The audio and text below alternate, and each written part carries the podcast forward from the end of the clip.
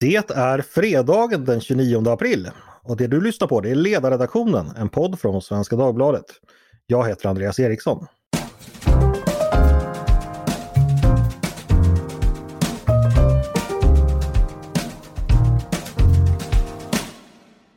Varmt välkomna hörni!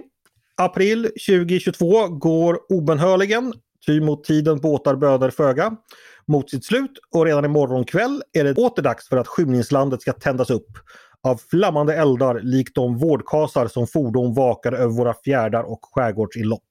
För att i tid varna för att gjuten, garpen, baggen eller moskoviten var i antågande. Åter ska detta vårt skymningsfolk i skaror och led flockas runt valborgsmässobrasorna, äta sina vattniga kokkorvar, halsa sina drickaflaskor och lyssna till skönsång om Lundens sköte och Källornäs dans. Kort sagt, åter har vintern rasat ut för våra fjällar och åter är det fredag i detta vårt märkliga lilla land. Och i lagom tid till att ekotoniken ska rasa ut för våra strupar tillsammans med den lokalbrända ginen är det dags för att ledarredaktionen återigen ska samlas för att gemensamt dryfta veckans händelser. Högt och lågt, brett och smalt, höger och vänster, men mest höger förstås. För att inte tala om djupt och ytligt. Med mig denna soliga aprildag har jag redaktionens kanske tre starkaste kort när det gäller åsiktsspridning. En som tycker si, en som tycker så och en som tycker det är väldigt töntigt att tycka något överhuvudtaget. Nämligen Mattias Svensson, Paulina Neuding och Peter Wemblad. Välkomna! Tack så mycket! Tack! Tackar. Mattias börjar vi med, det är du som tycker si. Eh, hur har du det? Jo då, det är bra. Mm, jag undrar det. Eh, ska jag berätta för lyssnarna att Svenska Dagbladet har ett nytt publiceringssystem. Eh, hur går det att lära sig det? Ja, jag skulle bli väldigt förvånad om det kommer en tidning nästa vecka och om det inte gör det så beror det på att vi har ett nytt system. Då är det ditt fel. Ja, bland annat. Jag kommer Eh. att skylla på systemet. Det får du göra. Eh, Paulina, du kan ju tekniken ända sedan du växte upp tillsammans med din schackdator. Hur har din vecka varit? Precis, eh, det, min vecka har varit mycket bra.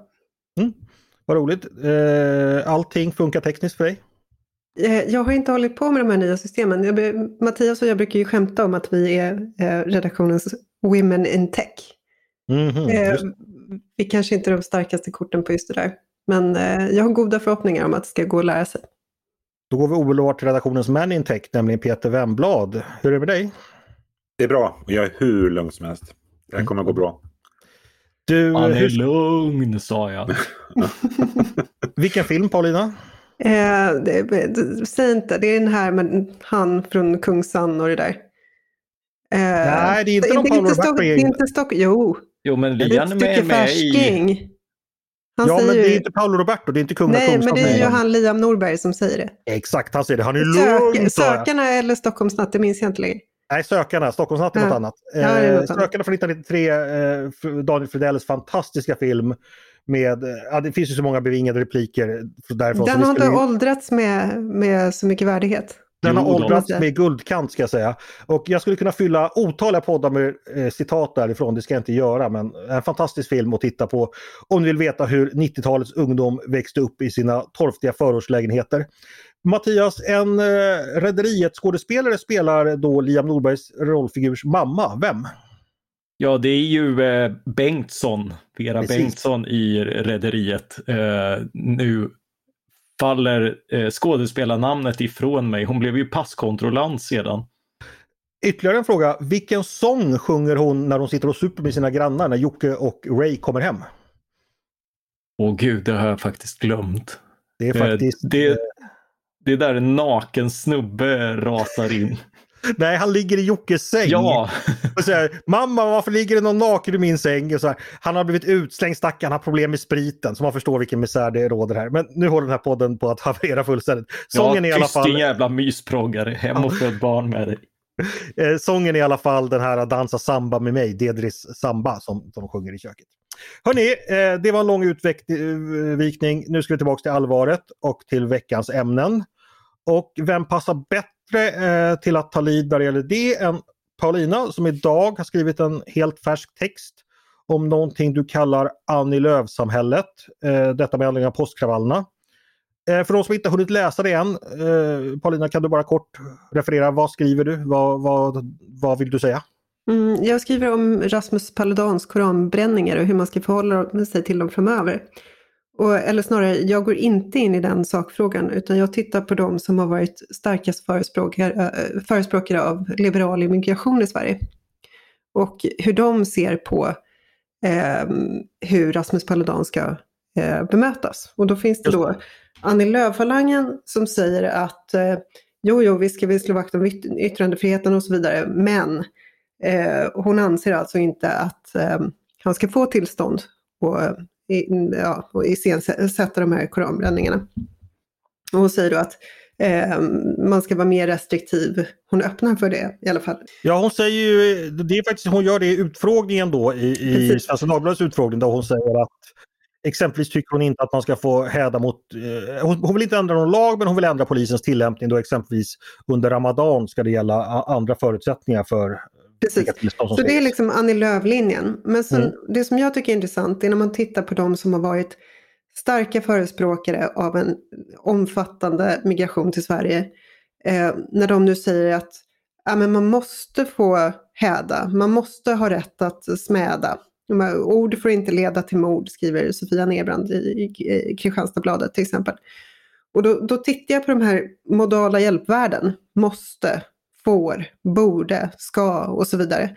Och de här modala hjälpverben ska liksom bära väldigt, väldigt mycket i ett samhälle där visst man kan ju tycka att vi ska stå upp för de här värdena och så vidare, men i praktiken så fungerar inte det längre. Mm. Så din poäng med den här eh, grammatiska utläggningen är helt enkelt att det folk säger det, det, det, spelar egentligen ingen roll för att eh, vi kan helt enkelt inte stå Vi har för... den befolkning vi har. Och det är ja. det så att eh, normerna skiftar i vissa bostadsområden. Om, om normen blir den rådande normen blir att man får inte bränna heliga skrifter under vissa religiösa högtider till exempel. Mm. Eh, då, då, är det, då har man väldigt, mycket, väldigt lite att sätta emot när man säger det borde vara på ett visst sätt, det ska vara på ett visst sätt, det måste kunna vara på ett visst sätt. Mm. Och här tycker väl jag att de som var för den här migrationspolitiken som vi har haft i Sverige, som liksom på en generation har försatt oss i den här situationen när man kanske, det kanske inte är möjligt att eh, ägna sig åt sådana här yttranden utan att det blir eh, kravaller. Mm. De personerna som förespråkade den här politiken får liksom eh, dra konsekvenserna av det. Man kan mm. inte sen ställa sig och säga att det ska vara på ett visst sätt, det måste vara på ett visst sätt. Och du drar också parallell till judarnas, eh, eller situationen för svenska judar i Malmö exempelvis? Det, det är bara ett exempel bland många. Alltså, eh, föreställningen har varit så här. Vi ska ha en stor invandring från länder där människor, eh, förstås inte alla, och det måste man alltid understryka, det, det handlar inte om Nej, det, men, men tillräckligt många eh, ha, hyser eh, uppfattningar som är, som är väldigt långt ifrån de svenska normerna. Och så tänker man sig att sen ska vi helt enkelt stå upp för våra normer.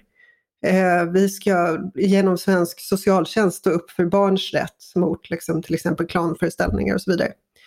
Eh, eller judars rätt att gå i kippa genom Malmö och så vidare. Men sen så möter de här idéerna verkligheten och, det, det, funkar inte i realiteten. Det är ändå så du så säger att, det, det, är kört helt enkelt för vissa värden vi en gång höll högt? Ja, det är inte detsamma som att det är kört. Alltså, man kan ju ändra sitt, sätt, sitt förhållningssätt. Men, men det är fortfarande så att vi kan upprepa tills vi blir blå i ansiktet att man ska få rita vad som helst. Men det är fortfarande mm. så att Lars Vilks levde resten av sitt liv som fånge därför att han hade ritat en teckning. Mm. Och då kan vi, vi kan sitta här och säga att man måste få häda, men realiteten är ju inte sån längre. Mm. Men då är det lite, i alla fall på, på kort sikt är det kört för skämtteckningar om Mohammed, att bränna Koranen, att visa judiska attribut i Malmö. Det är ändå någonstans där du landar? Nej, det... Att verkligheten talar sitt tydliga språk? Min poäng är att man får ta ansvar för den migrationspolitik man har förespråkat. Eh, okay, och, så... och, liksom, nej men det, och sen huruvida det är kört eller inte, det är inte riktigt samma sak. Men eh, det räcker inte att säga att vi ska, stå, vi ska ha den här migrationen och sen ska vi stå upp för det ena och det andra, för judars rätt och för barns rätt och för rätten att häda. För det här okay, med det att stå som... upp, det, ja. det, här med att stå upp, det är någonting vi säger till varandra och liksom gratulerar varandra för att vi tycker. Men det, det har väldigt lite bäring ändå i verkligheten. Men vad, vad det är då, du, då, då förstår jag vad du är ute efter. Det, det är alltså det, det, paradoxala eller det hycklande eller vad man ska säga i resonemangen. Man kan inte samtidigt säga vi ska ha stor invandring och samtidigt säga allting ska vara precis som förut när det gäller exempelvis de mm. frågorna du tar upp. Ja. Mm. Och då är så här, judarna i Malmö bara ett exempel. Ehm, Man kan ta den här kampanjen som har varit mot svensk socialtjänst, både internationellt och i Sverige på sistone. Mm. Den är lite grann ett uttryck för samma problem. Alltså vi trodde att kan ha en stor invandring från de här klansamhällena där man ser helt annorlunda på barnets rätt. Och så har vi tänkt oss, ja men blir det en konflikt med svenska normer, då får ju socialtjänsten träda in. Men problemet är när socialtjänsten gör det i parallellsamhällen och enklaver där svenska normer bara är en minoritetsuppfattning bland andra, då uppfattas det som förtryckande. Det uppfattas som en kidnappning, man förstår inte var det kommer ifrån. Vad har du fått för reaktioner på texten hittills? Har det kommit något? Jätte, jättemycket. Jag mm. satt precis nu i två timmar tror jag och svarade på, eh, på mail. Så att eh, det, det är väldigt, väldigt kul. Är det idel hyllningar eller är det någon emot? Ja, väldigt, väldigt positivt överlag. Det har varit någon enstaka emot tror jag. Då ska vi ändra men, på det. Ja, eh, nej, men jag skulle precis säga det. Alltså, det här är ju ett exempel på hur, hur, hur olika vi tycker på den här redaktionen. För jag tror inte att någon av mina kollegor tyckte som jag igår när ni, när ni läste igenom texten. Nej, alltså starka förespråkare för migration. Det låter som Mattias Svensson är apostroferad om än inte omnämnd. Eh, Mattias, vad tänkte du när du läste Paulinas text? Ja, alltså det här är ju ett resonemang som är, som är väldigt många led som jag tycker är väldigt svaga när man ska liksom eh, lägga. Vi, vi brukar nästan alltid när, när någonting händer, när det händer ett terrorattentat eller, eller vad som helst som, som vi tycker är obehagligt, så behöv, försöker vi hitta någon någon, någon, någon som vi kan sparka på för det som är liksom eh, by, by proxy.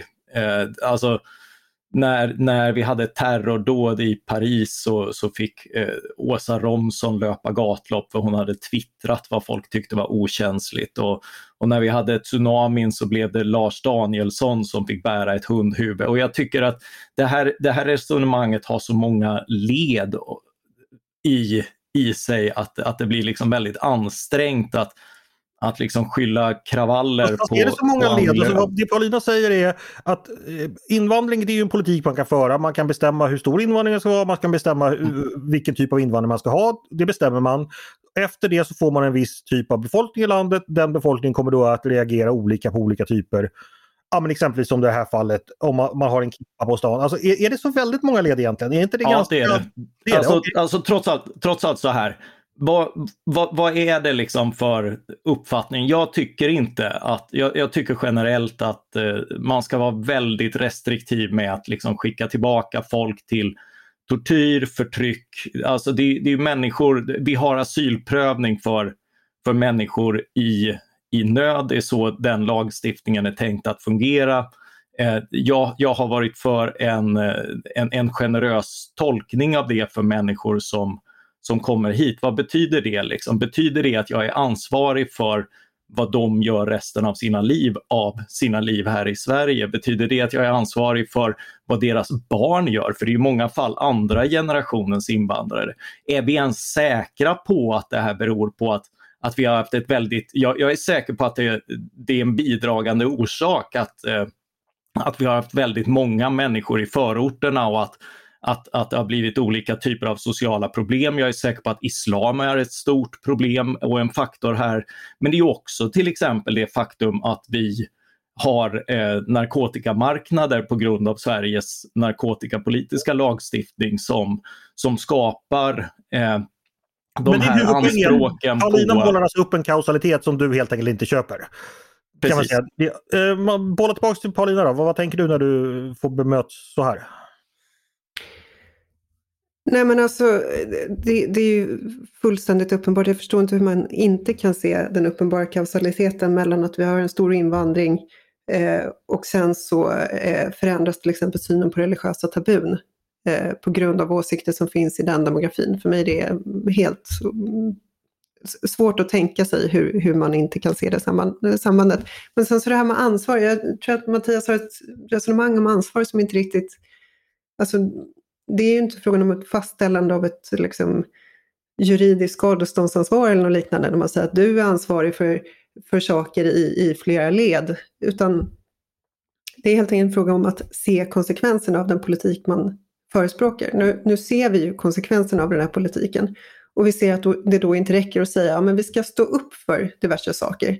Vi ska hävda rätten till en massa saker när det i realiteten inte ser ut på det sättet. Det går liksom inte att upprepa det här som ett mantra och säga A kommer funka därför att B. Okej, okay, det, kan man ju invända alltså mot att mm. man kan trolla med ord sådär. Men, men grejen är att det Mattias säger och det jag tror Annie Lööf skulle säga också, det är ju att de köper ju inte ditt korrelationstänk här. För att vilka, eller kausalitetstänk, för vilka kausaliteter man ser i samhället, det är ju i högsta grad en politisk fråga. Alltså mm.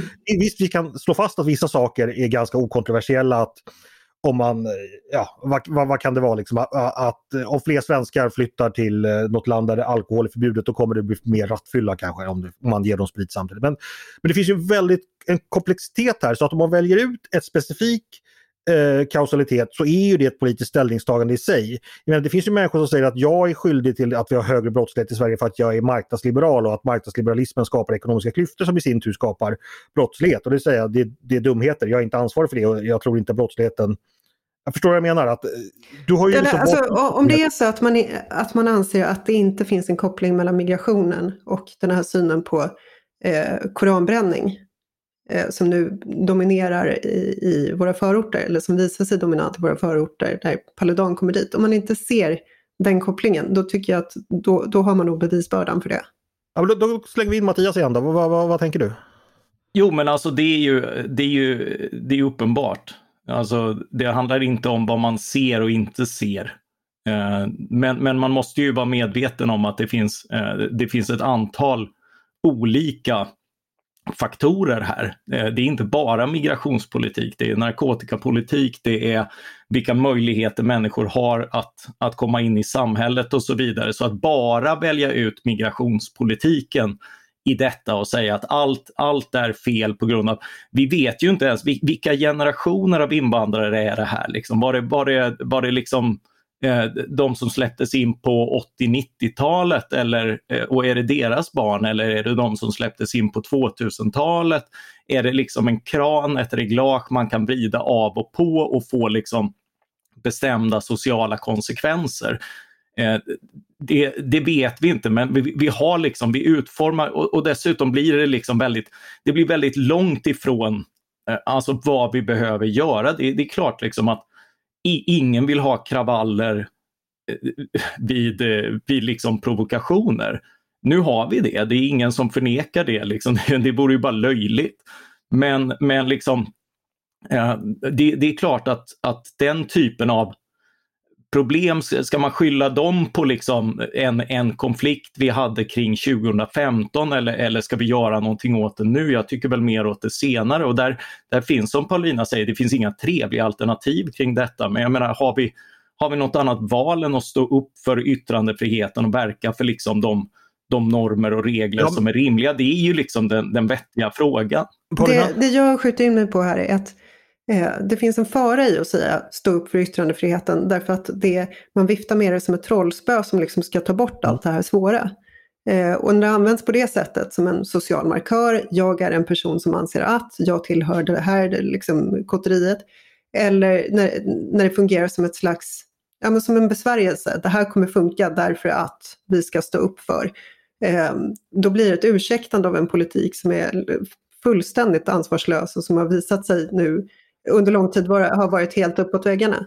Det där är ju också en retorik. Jag menar, du kan alltid, när, när Ryssland invaderar Ukraina, vad kan vi göra mer än att säga att det här är fruktansvärt, försöka beskriva det. Liksom. Vi, vi, kan, vi kan förstås uppmana till aktioner, vi, vi liksom diskuterar NATO, vi, vi diskuterar vilka ansvar vi har för vår egen beredskap och vad vi kan göra. Men det, det väldigt mycket blir ord och diskussion och sen mm. kommer då till detta någon retorik om att här gäller inte ord längre, nu är det handling som gäller och så får man tusen likes på det. Eh, det är ju också retorik. Det är ju också nej, liksom nej, att märka. Det, det är inte det det handlar om. Är det, är det nu jag får slänga in en tredje ståndpunkt? Ja, välkommen, välkommen äh, Artur Lundqvist, kör. Ja, Nej, men så här, eh, se om jag kan formulera det här begripligt. Eh, alltså jag tycker att Paulina har goda poänger, men det här är också en, ett eh, exempel på någon, en större problematik. Alltså att Sverige som samhälle har en dålig beredskap och en då egentligen liksom ingen strategi för hur man genomför politiska beslut i frågor som är väldigt polariserade. Alltså det migrationen har åstadkommit i den här frågan är ju liksom en polarisering i, mm. i uh, synen på, på ja, om man får bränna koraner uh, eller inte. Men vi ser ju liknande, alltså jag skrev om vindkraft, vindkraftsmotståndet här, uh, häromveckan. Där det också är, som finns den här typen av resonemang, ja men nu har vi fattat beslut om att om att vi ska genomföra klimatomställning och att vi ska bygga ut eh, vindkraften och då, då måste, vi, måste vi göra det. Men i slutändan så finns det ett så starkt motstånd där ute och det finns, politiken har inget svar på alltså, hur gör man när alltså, den andra sidan vägrar att godta eh, ett beslut i hur god ordning, den demokratiska ordning det än har fattats. Liksom. Det, det, det, är mycket bra inspel Peter. Eh, mm. För, för, nu är det, det, det, är väldigt intressant här. Mattias lyfte narkotikafrågan, vilket är din, din favoritfråga. Peter började prata vindkraft omedelbart. Och jag tänkte precis, eh, nej men jag skulle säga, jag skyller en stor del av den här problematiken på den hemska politiska korrektheten vi har i Sverige. Att vi inte klarar av att föra normala diskussioner och det är en av mina käpphästar. Så att vi retirerade snabbt till fort där vi, där vi har... Jag, och jag var på väg att börja prata om judarna i Malmö. Faktiskt, precis nu. Men, för att det råkar vara en fråga som jag kan. Men, jag hann inte ens tillbaka till Muhammed-karikatyrerna och, och mm. att vi skulle ha stått upp för dem därför att det hade varit en enklare eh, debatt att, att ta då och möjligen hade liksom stämt i bäcken nu. Det tror jag också. Nej, men alltså, det är uppenbart att vi har väldigt olika åsikter. Eh, det man kan säga för att lösa ut här, eh, eller det kommer vi inte kunna göra nu, men, men din stora poäng Pauline, det här med att det ändå finns en att ja, man förlitar sig på får, får, jag, får jag säga så här Andreas, nu, nu tar jag ja. upp judarna i Malmö och det är inte för att det är en, en viktigare fråga än andra utan för att det råkar vara en fråga som jag kan någonting om. Mm. Och under åtminstone tio års tid så har det varit allmänt känt att eh, stor invandring från Mellanöstern i Malmö har orsak, orsakat stora problem med antisemitism. Mm. Och då har man scener där till exempel 200 människor eh, samlas och skriker vi ska döda judarna. Alltså mm. det, det, är på den nivån. Eller att två personer med judiska symboler går in i Rosengård och blir utjagade direkt. Mm. Liksom. Så att en jätteallvarlig situation. Och här har man liksom tågat mot antisemitismen genom Malmö. Man har stått upp mot antisemitismen och så vidare och så vidare och så vidare. Men poängen är att det, det här med att stå upp och liksom eh, slå vakt om och så vidare, det funkar väldigt sällan. Alltså det är väldigt sällan, det, dels så har det svenska samhället väldigt små kontaktytor med människor i den här typen av utanförskap. Alltså vad du och jag och Peter och Mattias sitter här och tycker, det, det når liksom inte fram eller det är inte relevant, det är inte en del av livet. Det är bara liksom... Eh, så, så, att liksom... Att, att då fortsätta som många gör, förespråka den här typen av invandring som vi har haft i Malmö och sen samtidigt tro att man kan stå upp mot antisemitismen. Det är för mig en hycklande inställning. Mm. Men, men jag, tycker, jag tror ju till skillnad från det att det finns saker att göra. Jag tror exempelvis en förstärkning av polisen skulle kunna göra enormt mycket. Alltså här är det ju... Oh, oh ja, alltså så här, rättsstaten. Alltså, de där 200 människorna som stod där och skrek på, på torget att de ska döda judar, ingen har ju dömts för det. Och skulle Nej. de ha dömt så hade det varit någonting fullständigt okännbart. Och jag tror också det hade varit en skillnad ifall inte det styrande partiet i Malmö eh, sjunger sånger om att man ska krossa den judiska nationalismen. Och, ja, men visst. Och, eller att eh, kommunalrådet i Malmö säger att den judiska församlingen är infiltrerad av, eh, av SD-fascister. Alltså, det, som har det, det, är ju där problemet har funnits i Malmö också skulle jag säga. Att de styrande har haft en enorm flathet inför detta. Men, men, här, men tänk på det här, kultur är en ganska seg sak. Människors uppfattningar är väldigt en, en, sak som sitter djupt. Tänk på att hela det svenska etablissemanget försökte få svenska folket att inte rösta på SD tillsammans, mm. samfällt. Mm. Och då är vi ändå en del av liksom samma folk och kultur och så vidare. Eh, det är fortfarande en femtedel av svenska folket som sympatiserar med SD. Alltså, det är väldigt svårt. Kanske rent av därför. Ja, precis. det är väldigt, väldigt svårt att få folk att ändra uppfattning. Alltså, bara kolla på oss fyra. Det är inte så att liksom, ja. Nej, men vi är ju professionella tyckare så vi har betalt för att inte ändra åsikt. Men, men, men, Fast det är alltså, ju ändå, jag menar, ta... Se hur det, nu jag säga se bara hur samhället har förändrats sedan vår barndom Paulina. Mm. Jämför med, alltså det är enorma skiften som sker. Varenda generation så att säga erövrar ju sina egna värderingar du som, med din konservativa approach här så ser ju du saker som mycket, mycket, skulle jag säga då, mycket, mycket mer bund, skrivna i sten än vad erfarenheten visar. Men vem av oss är det som får rätt hela tiden då? Alltså, ja. alltså det är så här, hur gick det för Lars Vilks? Hur, hur levde han sina dagar? Ja, nej, det, det är naturligtvis för jävligt, absolut. Och det är därför jag också har så stor respekt för dina åsikter. För jag vet ju att du har haft så väldigt goda poänger historiskt sett. Och jag menar, ja du har haft rätt många gånger, absolut. Det, det skulle jag säga. Eh, i, I liksom dina när du har varit Krösa-Maja helt enkelt. Liksom, och, fast, och fast jag vet inte, det är ju samtidigt, alltså hur många nu, nu ska man ju inte jinxa förstås, och, och då, men, men det måste ju ändå tas upp. I, när, när det var ett terrordåd så var det nog inte de mest alarmistiska som sa att eh, fem år senare så kommer det inte vara något, något liknande islamistiskt terrordåd överhuvudtaget. Särskilt inte när man, när man då krävde Jo, jo tänk men på Paulina... en sak, alltså, tänk på hur enorma resurser vi lägger för att förhindra terrordåd och vilken konstant förhöjd risk det är och speciellt nu med Paludan och de här koranbränningarna. Alltså det går inte att säga så här, det gick bra i fråga om terror. Vi, Alltså, Nej, det är ingen som har sagt jag, det. Men, hem, men, jag, jag men, men, men, så här Paulina, mm. eh, det, det, går alltid att måla fan på väggen. Det är alltid en sak i taget. Men det är inte, inte ett allmänt målande av fan på väggen. Det, det, är inte ett allmänt målande av fan på väggen. Det ett, jag pekar ut rätt konkreta tendenser och säger det här är på väg åt fel håll. Jag ska ge ett exempel. Jag, när jag var 25 så var jag i mm. Israel för första gången. Och sen så kom jag till Arlanda och så tog jag flygbussen och så tänkte jag så här, gud vad skönt att vara i ett land där en terrorattack inte kan inträffa. Mm. Och det är så här, jag kommer ihåg att jag, eftersom jag var 25 så minns jag när det var, så det var 15 år sedan. Eh, vi, vi lever i ett helt annat Sverige idag. Och skälet till att vi gör det, det är att det har, i den här stora invandringen som vi har haft har det följt med alldeles för många människor med den här typen av eh, islamistisk syn. Mm. Liksom, så är det bara. Ja, ja, ja. ja, ja, alltså... Det är en enorm förändring och sen så går det inte att säga så här, men vi har inte haft några attacker på fem år. Nej, men jag, jag tar upp det som ett exempel på att då, då gick det att måla betydligt större och mörkare framtidsscenarier. De har inte inträffat. Det är inte alltid så att trender måste fortsätta och bli värre och värre. Det här är ett exempel på, på en trend som fortfarande finns, men tittar man globalt sett så har det avtagit i västvärlden, det har tilltagit i andra länder. Eh, det är inte alltid liksom det värsta och extrapolerade scenariot som måste bli rätt, är min enkla poäng. Det är ju ingen som tycker att det är bra när det händer. Titta på Frankrike som befinner sig i konstant undantagstillstånd därför att man har eh, mm. liksom en, en, flera år lång våg av terrorattacker. Hörni, hörni där sätter jag streck i debatten faktiskt. Eh, jag måste bara väldigt... säga en sak.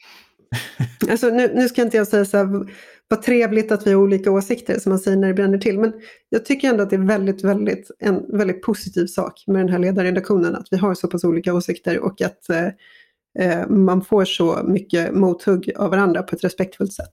Mm. Det tycker jag är kul. Eh, ja, Precis, och det sätter jag streck i debatten. Jag tycker också det är kul. Och då fick ni som lyssnade höra lite hur, hur, det brukar låta. Jag har ju jobbat med både Paulina och Mattias i, i, över tio år och jag har ju hört den här diskussionen väldigt många gånger. Jag tror inte de har kommit så mycket närmare varandra men de, jag vet att de alltid lyssnar på varandra och har respekt för varandra och jag tror nog det sås ett och annat korn av sanning eller alternativt lögner på, på båda sidor.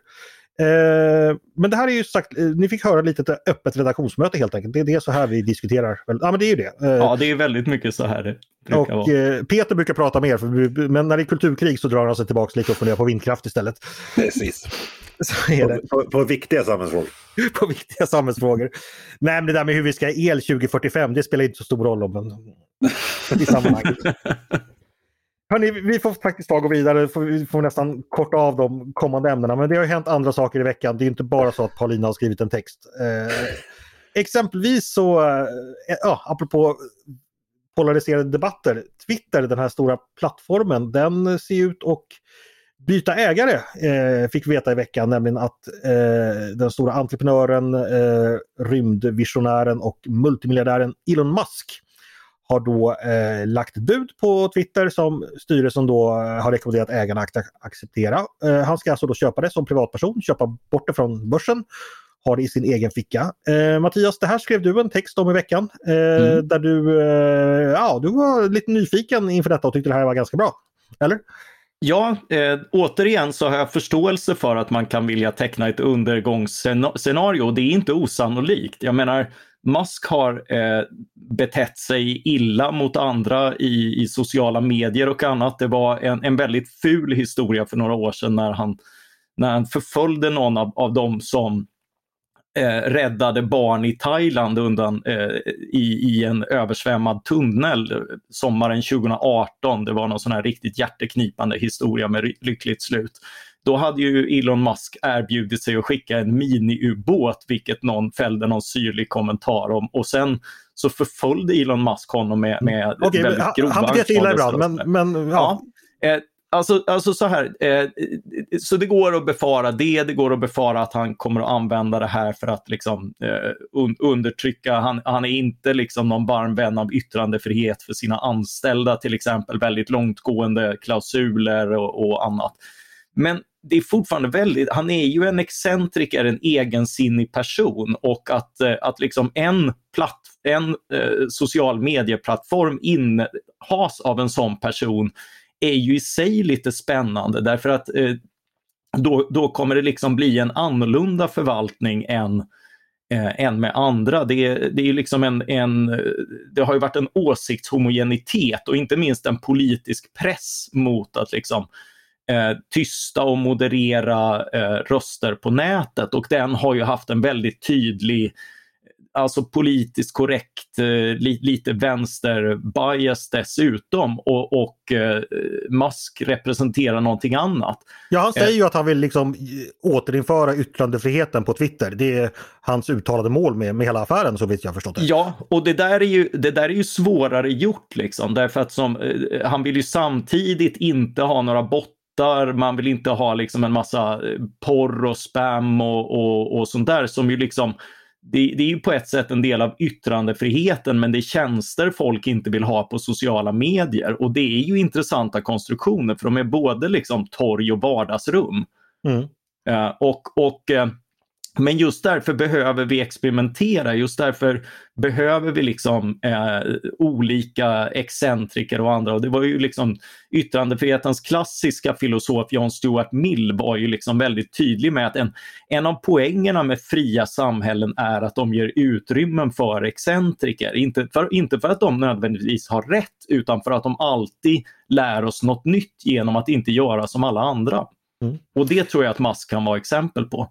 Ja, vi, vi, får se hur det går. Det finns ju en del, eh, som sagt, eh, det är ju så att precis som Mattias säger, både Twitter och även de andra stora sociala plattformarna har ju gått i mer modererande riktning. Delvis under då politisk press, att man hotar liksom med att helt enkelt reglera dem hårdare. Eh, får vi se om det går åt andra hållet nu. Eh, Peter, du är ju numera också en ivrig twittrare. Eh, kommer du, vad tror du om eh, Musks regim på Twitter? Ja, alltså jag känner mig lite jag tycker att det är en jättesvår eh, fråga eh, i många stycken. Eh, så till exempel när, när, Twitter valde att stänga av eh, Donald, Donald Trump i ett läge där liksom hans uppviglande riskerade att få rätt omvälvande eh, effekter i den konkreta, konkreta, i den kötsliga världen. Jag, jag hade ganska stor, stor förståelse eh, för det. Så att jag, det här är ett ämne jag fortfarande utforskar hur jag ska förhålla mig till.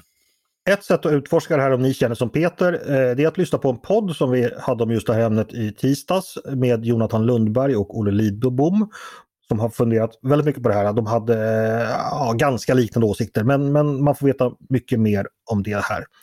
Eh, där, det kan man lyssna på. Eh, Paulina, du, du twittrar ju stundom, inte så mycket, men, men vad, vad känner du inför Elon Musk? Eh, jag tycker att det är intressant att höra vad han eh, Alltså, som Mattias säger, man vet ju inte vilken Elon Musk man får. Han är lite eh, lynnig sådär av sig, verkar han vara. Mm. Men eh, det här med att eh, ta bort shadow banning, att vara öppen med algoritmerna och sådär. Det eh, givet Twitters historia av de, alla, flera av de stora plattformarnas historia av att shadowbanna vissa, vissa eh, användare vissa eh, stories. Du, du får förklara bara, vad betyder shadowbanning? Ja, att man eh, inte låter saker sy eh, synas i flödet helt enkelt. Alltså, jag, man kan säga att om jag blir shadowbannad då vet jag inte om det, men det jag skriver syns inte helt enkelt för folk i den utsträckning det skulle ha gjort annars. Nej, men jag misstänkte att vara shadowbannad för mina långa trådar om utvecklingen av Stockholms kollektivtrafik möter inte alls. ja, precis. Det inga likes. Exakt. Nej, men, och, och, där finns det ju liksom Hunter Bidens datorhistorien till exempel har ju förföljt de här stora eh, sociala medieföretagen. Att man tystade ner en story från en stor eh, från en stor tidning, New York Post. Mm. Därför att eh, ja, det var strax före valet och man ville inte att Här, här har, vi, har jag en väldigt konkret förhoppning på, på Elon Musk. Och det är att han justerar algoritmerna så att dina kollektivtrafikstrådar prioriteras upp. ja, ja, det, det, det goes without saying, Peter. Det hoppas vi alla på tror jag. Eh, men ja, men, men vi, vi, får se hur, hur, det går där helt enkelt. Det var någonting annat jag tänkte fråga om som... Eh, en, en lynnig mediaägare, vad skulle kunna gå fel? Eh, det är väl lite så här, jag tänker att i USA pågår ju ett fullt kulturkrig kring vad Twitter ska vara och sånt där. Vi i Sverige, vi får bara hänga på så att säga. Eh, vad betyder det att en stor del av faktiskt vår politiska, så att säga, eh, vad ska man kalla den, elitdiskussioner, diskussioner mellan ledarskribenter och politiker och så där, pågår på en plattform som styrs från ett annat land med ett annat lands värderingar och lagar. Är det konstigt eller problematiskt på något sätt tycker ni?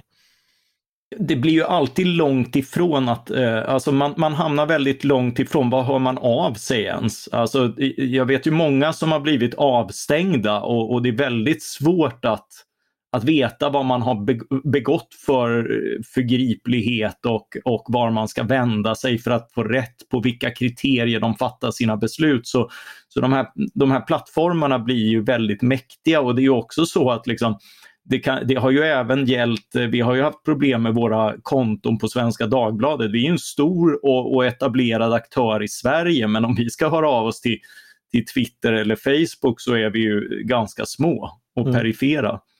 Precis, och eh, även har ju de sociala medieplattformarna i många år varit väldigt viktiga för svenska tidningar eftersom det handlar om att eh, besökssiffror blir sedd och synas där. Och det har inte alltid varit lätt. Det har ju varit varje gång man har ändrat algoritmerna där så har ju redaktionerna fått fundera ut liksom, vad är det som funkar nu den här gången så att säga. Så att mm. Det har ju styrt väldigt mycket och påverkat. Sen har vi ju också vår egen, alltså vi har ju en eh, datalagstiftning på väg att gå igenom eh, EUs eh, beslutande organ och det ska dessutom bli en förordning så, så liksom den, den gäller som den är formulerad och där ska ju myndigheter och andra bli sådana här trusted flaggers och, och kunna liksom ge input till sociala medier och det handlar väldigt mycket om om vad som ska plockas bort, vad som ska modereras, vad som ska filtreras. Det är, det är, det är en, väldigt, en betydligt större risk och, och borde, borde förstås diskuteras betydligt mer än en, en enskild ägare av en social medieplattform. Om man är intresserad av det här med Twitter så har Barry Wise, som jag intervjuade i podden här veckan, hon har en jättebra intervju med Jonathan Haidt som är eh, psykolog. Eh, och han, de har ett långt, eller Jonathan Haidt har ett långt resonemang om hur Twitter har förändrat vårt politiska samtal. Det börjar liksom komma in eh, forskning på det här nu. Mm. Och bland annat då hur retweet-knappen har gjort att folk eh, man får den här dopaminkicken av att bli retweetad väldigt mycket. Det har liksom oh, haft ja. en polariserande effekt. Så att det här är, det är jätteintressant och även om man tycker att så här, men Twitter det är någonting som journalister pratar om sinsemellan och det kanske inte är så intressant för, för folk i allmänhet så rekommenderar jag verkligen det samtalet. Därför att det, är, det berättar om hur, hur det här driver på polarisering helt enkelt. Mm. Det var en utmärkt rekommendation. Eh, jag ska passa på innan vi ska gå vidare med en annan rekommendation det är nämligen så att på måndag eh, nästa vecka den 2 maj så eh, arrangeras vad som kallas lunch med ledarredaktionen eh, i Stockholm där man då kan eh, få besöka, äta en liten macka och sen så eh, på Teatern Playhouse på Drottninggatan i, i, Stockholm kommer vi sen ha en liten scenshow helt enkelt. Där man får, eh, ja jätteroligt Mattias. Jätteroligt. eh, Precis, en, en show där vi då bland annat kommer eh, intervjua ledarredaktionens medlemmar. Vi kommer prata säkerhetspolitik och vi kommer prata mycket annat. Jag tror att det finns några biljetter kvar faktiskt. Så att gå in på eh, det här SvD Accent heter det väl. Eh, eh, kund... Ja. ja. så. Och där hittar man då, kan man köpa biljetter och så är man jättevälkommen klockan 11 på, till Teatern Playhouse eh, i Stockholm eh, på måndag. Eh, gör gärna det, får ni träffa oss. Och därmed är det dags att gå vidare till nästa punkt och då tänkte jag äntligen, äntligen, äntligen sluta prata kulturkrig och Twitter och, och kranbränningar och gå över på viktiga saker. Intressant Peter? Mm, riktiga grejer.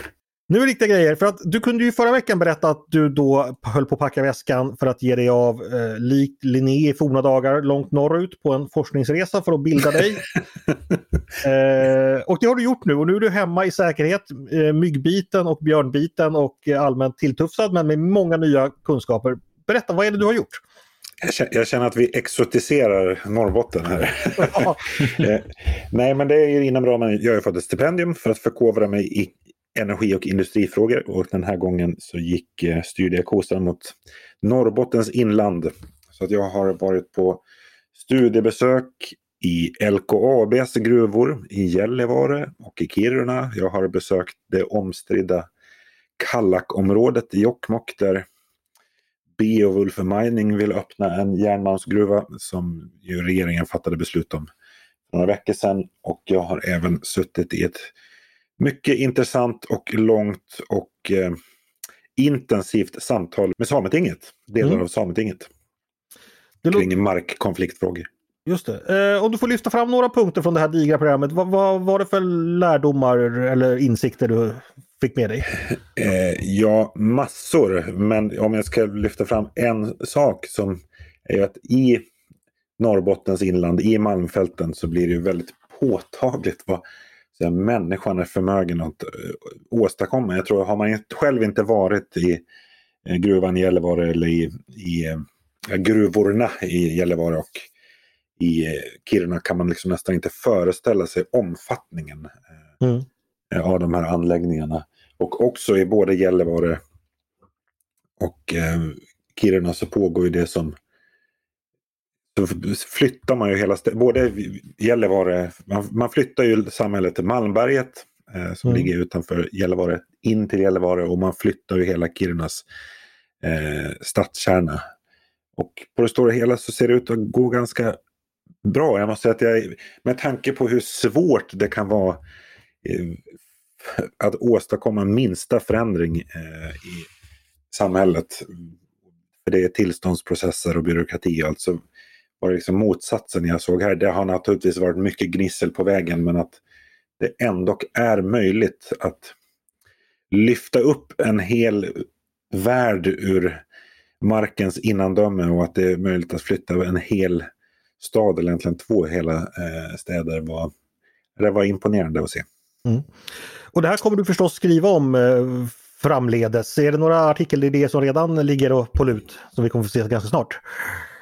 Eh, ja, det kan det nog vara. Alltså, jag är ju väldigt intresserad av liksom, de här markanvändningskonflikterna som ju är, då blir som allra hårdast eh, när det gäller liksom, rennäringens och liksom, samernas rättigheter och intressen och vad ska jag säga, eh, nationella intressen. Och apropå det vi pratade om tidigare, att för, så svensk, eh, svensk politik och det svenska samhället har liksom ingen beredskap för att vad säga, ver, att lösa ut den här typen av svåra konflikter. Det blir ju väldigt eh, tydligt i fallet mellan liksom gruvnäring och energi och samerna och där tyvärr min slutsats är det, den går inte att lösa ut utan att det kommer vara väldigt hårda eh, konflikter på, liksom, eller otrevliga konflikter på vägen.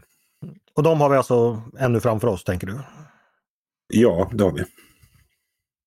Finns det någonting som vi kan göra för att eh, förbereda oss för dem? Alltså, eller vad, är det helt enkelt diametralt olika politiska, en makt, ma konflikt om makt helt enkelt och då är det alltid tufft? Ja men precis, det är absolut, det är högsta grad en, en, en konflikt om makt. Och makt är ju som bekant ett nollsummespel där det inte riktigt går att eh, kompromissa. Det finns liksom inget utrymme för, för eh, kompromisser här. Nej. Men det är väl utmärkt att du, du lär dig om detta, belyser detta och i alla fall eh, informerar både oss och vi, vi som läser tidningen och de som ändå ska handskas med det här i framtiden att eh, ja, det här kommer bli, kommer bli stora saker, kommer ske. Mm. Men det kommer behöva lösas ut på något sätt naturligtvis. Precis. Intressant. Jag hörde någonting här, jag vet inte om du, du uppfattar någonting. Fosfor från gruvan i Kiruna eh, skulle kunna ersätta den fosforen till, som behövs till konstgödsel. Är det någonting du har varit inne på? Ja, jag tror att eh, medierna kanske missförstår lite grann. Eh, LKAB påstår ju faktiskt inte att den här, vi skulle kunna bli, göra oss oberoende av, av rysk konstgödsel. Konstgödsel in, innehåller mer än fosfor, men det är ju, fosfor är en viktig komponent i konstgödsel och det finns ju även rent fosforgödsel. Eh, men jag tror det här var nog mer en eh, PR-vinkel från LKABs eh, sida. Alltså den, den stora nyheten är ju egentligen att LKAB har har utforskat liksom ännu en stor malmkropp i Kiruna som kan hålla produktionen igång mm. där i åtskilliga decennier. Då var det någon kommunikationsmänniska som fick, en, fick, fick feeling på detta alltså? Precis. Hur, hur långt är det tills man kan börja ta upp det här? Det brukar ju vara ganska långa processer. Ja, vi pratar den nya järnmalmsfyndigheten eller den obrutna järnmalmsfyndigheten. Så vad ska jag säga mellan tummen och pekfingret? 25 år? Tills de börjar? Ja. Ja, då, då är kanske inte förhoppningsvis det ryska hotet överhängande. Sen fosfor kan man utvinna redan ur, ur den malm som bryts idag på befintlig plats. Men på den här nya platsen så var det lite högre halter av fosfor. Men... Hur, hur djupt i gruvan var du Peter? Jag åt lunch i personalmatsalen på eh, nivå 1365 som det heter. Och det är 1365 meter under marken? Då, ja, det, det, är faktiskt egentligen 1365 meter över den ursprungliga bergstoppen. Eller vad man ah, okay. Eh, men det är ungefär 1100 meter under mark. Och vad var det för mat? det var kålpudding. Gud vad gott! Med, med lingon? Mm. Jajamän, och brysselkål och gräddsås. Hur har de ordnat personalutrymmena där eh, så att det inte ska bli mörkt och klaustrofobiskt? Men jag antar att man får jobba mycket med ljus och färger och sånt där? eller hur? Ja, så, så, det är ju väldigt häftigt att vara där nere. Under. Det här är ju en hel... Det är egentligen en, en toppmodern arbetsplats med kontorsutrymmen och stora verkstäder. Och eh, det enda som skiljer är att det är, man råkar veta att man befinner sig en kilometer under marken och att det inte finns några fönster. Mm, det... men, i, men, i, men, men, i övrigt är liksom inte känslan av att befinna sig i en gruva inte, inte överhängande. Det, det är mycket långt från de så traditionella klassiska bilderna från gruvornas värld med skitiga, korthuggna män. Eh, mm. Eller män, som, som var väl på den tiden. Så Ja, det med. Men du, träffade du tunnelfolket? De där som var med, kommer ni ihåg Skönheten och odjuret på 80-talet? Då fanns det ju folk som bodde nere i tunnlarna. Stötte du på dem? Nej, jag, jag, jag träffade bara på LKABs anställda faktiskt. Okej, okay, ja, det kanske var lika bra. Men, men hade du råkat illa ut så tror jag Vincent hade kommit och räddat dig. Ah, det låter jättespännande Peter. Eh, vad kul. Vart bär nästa resa då?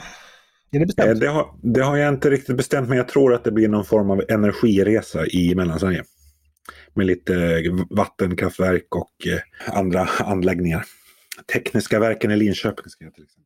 Eh, Paulina, har du somnat i avsaknad av kulturkrig eller har du lyssnat på? Nej, men jag tänkte så här, det lät så otroligt lockande det här med att åka runt i Sverige och förstå mer av det här med eh, energiproduktion. Så jag vill nästan så här, man skulle följa med Peter på någon av de här. Du får söka ett stipendium själv och se om du mm. förtjänar att följa med. Exakt. Vad roligt att skulle ha det Peter. Peter. Mm. Vi kan besöka något litet vattenkvarn någonstans i Suecia, mm. vad som händer där. Eh, jag tänkte på en sak där. Eh, I Mellansverige, kraftproduktion. Är, är, det, är det vattenkraft vi talade om Peter? Eller, eller? Ja, det, när det kommer nog, då blir det nog både eh, vattenkraft och eh, kärnkraft och vindkraft. Vi har ju kärnkraft i Mellansverige också. I Forsmark? Det var en fråga på Filip och Fredrik i, i veckan om. Eh, jag var på Forsmark när jag gick på gymnasiet på studiebesök och jag fick någon sån tvångstanke om att någon av oss skulle kasta sig ner i kylvattenbassängen och simma omkring där. Men, eh, den, ser ju väl, den ser ju väldigt tilltalande ut. Den gör ju faktiskt det. Med den tropiska blåa färgen. Ja, den är jättefin. Det, det, det, känns verkligen som man, man skulle vilja simma ner och titta på bränslestavarna där, där nere någonstans. Snorkla lite. Snorkla lite. Men det ska man inte göra barn. Uh, don't try this at home. Hörrni, det blir dags att uh, avrunda. Uh, och som antyddes i början så närmar vi oss några av vårens stora fester. Det är då valborg imorgon. Studenterna har redan hunnit fira i flera dagar antar jag. Och på söndag är det dags för arbetarrörelsens stora högtidsdag, eh, första maj, då de eh, firar segern över Modsen. Eh, därmed faller sig veckans fråga ganska naturlig. Eh, jag tror inte att ni själva ska ut och demonstrera på söndag. Blotta tanken är ju skrattretande. Men om ni ändå skulle det, vad skulle det i så fall stå på era plakat i veckans rundfråga? Ni ska alltså då formulera ett första maj-plakat. Och slå mig inte, det är en jättetråkig fråga men det är ändå första maj en gång om året, då måste den ställas. Känn ingen press nu, ni bara jobbar med politisk kommunikation och ska föreställa mm. landets elit där det gäller kort och effektivt övertyga någon i text. Eh, så ingen press, men, men låt oss höra. Då börjar vi med dig Mattias. Du, du, du, du har ju faktiskt varit på demonstrationer på riktigt iförd Stålmannen-dräkt och sånt där i ditt tidigare liv, så att du har ju erfarenhet av detta. Jag har faktiskt gått med i ett första maj-tåg. Det var, jag träffade två vänner. Det var faktiskt det första första maj-tåg jag någonsin såg. Jag hade missat sossarna och, men såg Vänsterpartiet. De första jag ser där är eh, Anders Varveus och Mats Hinse från, som kommer från Docklands för att stödja. Det här var alltså 1996 när Gudrun Schyman hade dansat på Docklands på den tiden. Det krävdes kommunistpartiets ordförandes sanktion för att få hålla danstillställning. Eh, men... 1996 eh, var inte Mats Hinse upptagen med, med, med att uh, spränga OS-anläggningar då? Det, det, var väl senare som uh, han dömdes för det. Ja, okay. Misstänker jag. Uh, men ja, små anekdoter. nej, jag, jag vet inte. Jag, jag är hellre plakat på valborg än bär plakat på första maj, men på mitt plakat så står det legalisera. Det är klart det gör Mattias. Mm. Självklart. Vackert så. Eh, vi går vidare till, till, till Peter, Sveriges absolut slim, mest slimmade copywriter när det gäller politisk text. Eh, ge oss vad du har. Ja, av, av alla viktiga samhällsfrågor så tycker jag att det är en som sticker ut. Eh, och den har jag ju torgfört här i podden tidigare. Och den kommer jag även ha på mitt plakat, nämligen Gör löningsdag till allmän flaggdag. Ja. Det blir mitt plakat. Självfallet, och det, det, är någonting som, eh, det, det är ju inget orimligt krav. Det tror jag skulle kunna få gehör i ganska många politiska läger. Ja, det tror jag också. Ja. Jag menar, Sverigedemokraterna de gillar ju att flagga för sakens skull. Eh, sossarna gillar liksom att det är bra att folk får, får lön och är glada liksom, löntagare och sådär. Så att det, det, kan, det, kan e det kan ena nationen. Det kan det verkligen. Paulina, obönhörligen så återkommer jag till dig nu för det finns ingen annan jag kan fråga. Ja, men alltså, jag är den enda av oss säkert som inte har jobbat i PR och kommunikationssvängen. Eh, och eh. Jag, jag, du kanske inte heller har, de vill inte betala Jag har ingen aning om hur det där går till. I så du, fall hade jag varit framgångsrik. Dem, men det, men det hände ingenting. Eh, nu, jag ska avslöja en sak. PR-branschen domineras ju inte direkt av att man formulerar plakat till första maj. Det är inte så. Det, det är inte en av de stora Du ser att jag inte har varit inne i den. Eh, men, men jag tänker i alla fall på ett plakat som jag såg från Medborgerlig Samling en gång. Där det stod upp, uppvärdera, eller uppvärdera samhällskontraktet eller om det var ändra samhällskontraktet. Och så var det liksom ett sjok av liten text under med diverse teorier om samhällskontraktet. Mm. Och det blev jag väldigt inspirerad av. Så att jag, någonting på temat modala hjälpverb och att de inte är magiska. Ja, men det är ju fantastiskt. Eh, det, är för, det är för övrigt en, en, fantastisk kategori av plakat. De här typ eh, storbildsreklamen från ett parti med jättemycket text. Alltså mm. hur tanken har gått där att man ska plöja all denna text när man kör förbi i, i 90 knyck. Jag tänkte nog att eh, du skulle välja någonting grammatiskt eh, Paulina, för jag vet ju att du har ett stort engagemang för, för svenska språket och dess brukande, brukande så att säga. Mm, du har en, en gång anklagat mig för att vara grammatiknörd, men det, det är jag inte alls. Jag, jag har inget, inga nördiga drag. Men det var fint sagt i alla fall. Det har du verkligen inte. Men hörni, vad bra, då vet vi vad, vad de plakaten som eh, ni skulle ha haft ifall ni hade varit dumdristiga nog att ge er ut på, på söndag, men jag antar att ni har andra planer då. Eh, då är det dags att tacka för idag hörni, eh, om inte någonting återstår. Eh, tack Mattias, Peter och Paulina för att ni kom och pratade med mig. Tack, tack allihopa, tack Andreas. Det var skönt som vanligt. Och tack till er som har lyssnat på Ledarredaktionen, en podd från Svenska Dagbladet. Ni är varmt välkomna att höra av er till redaktionen med tankar och synpunkter på det vi har precis diskuterat. Och då tänker jag, idag var det ju särskilt mycket diskussion i podden mellan Paulina och Mattias. Så höra gärna av er vad ni tänker om just den frågan för där vi, vet vi inte själva vad vi vet eller vad vi tycker. Alltså. Eller om ni har synpunkter på andra saker och vi ska ta upp i framtiden, då får man också mejla förstås till ledarsidan snabel svd.se. Dagens producent, han heter som vanligt Jesper Sandström. Jag heter som vanligt Andreas Eriksson och jag hoppas som vanligt att vi hörs snart igen.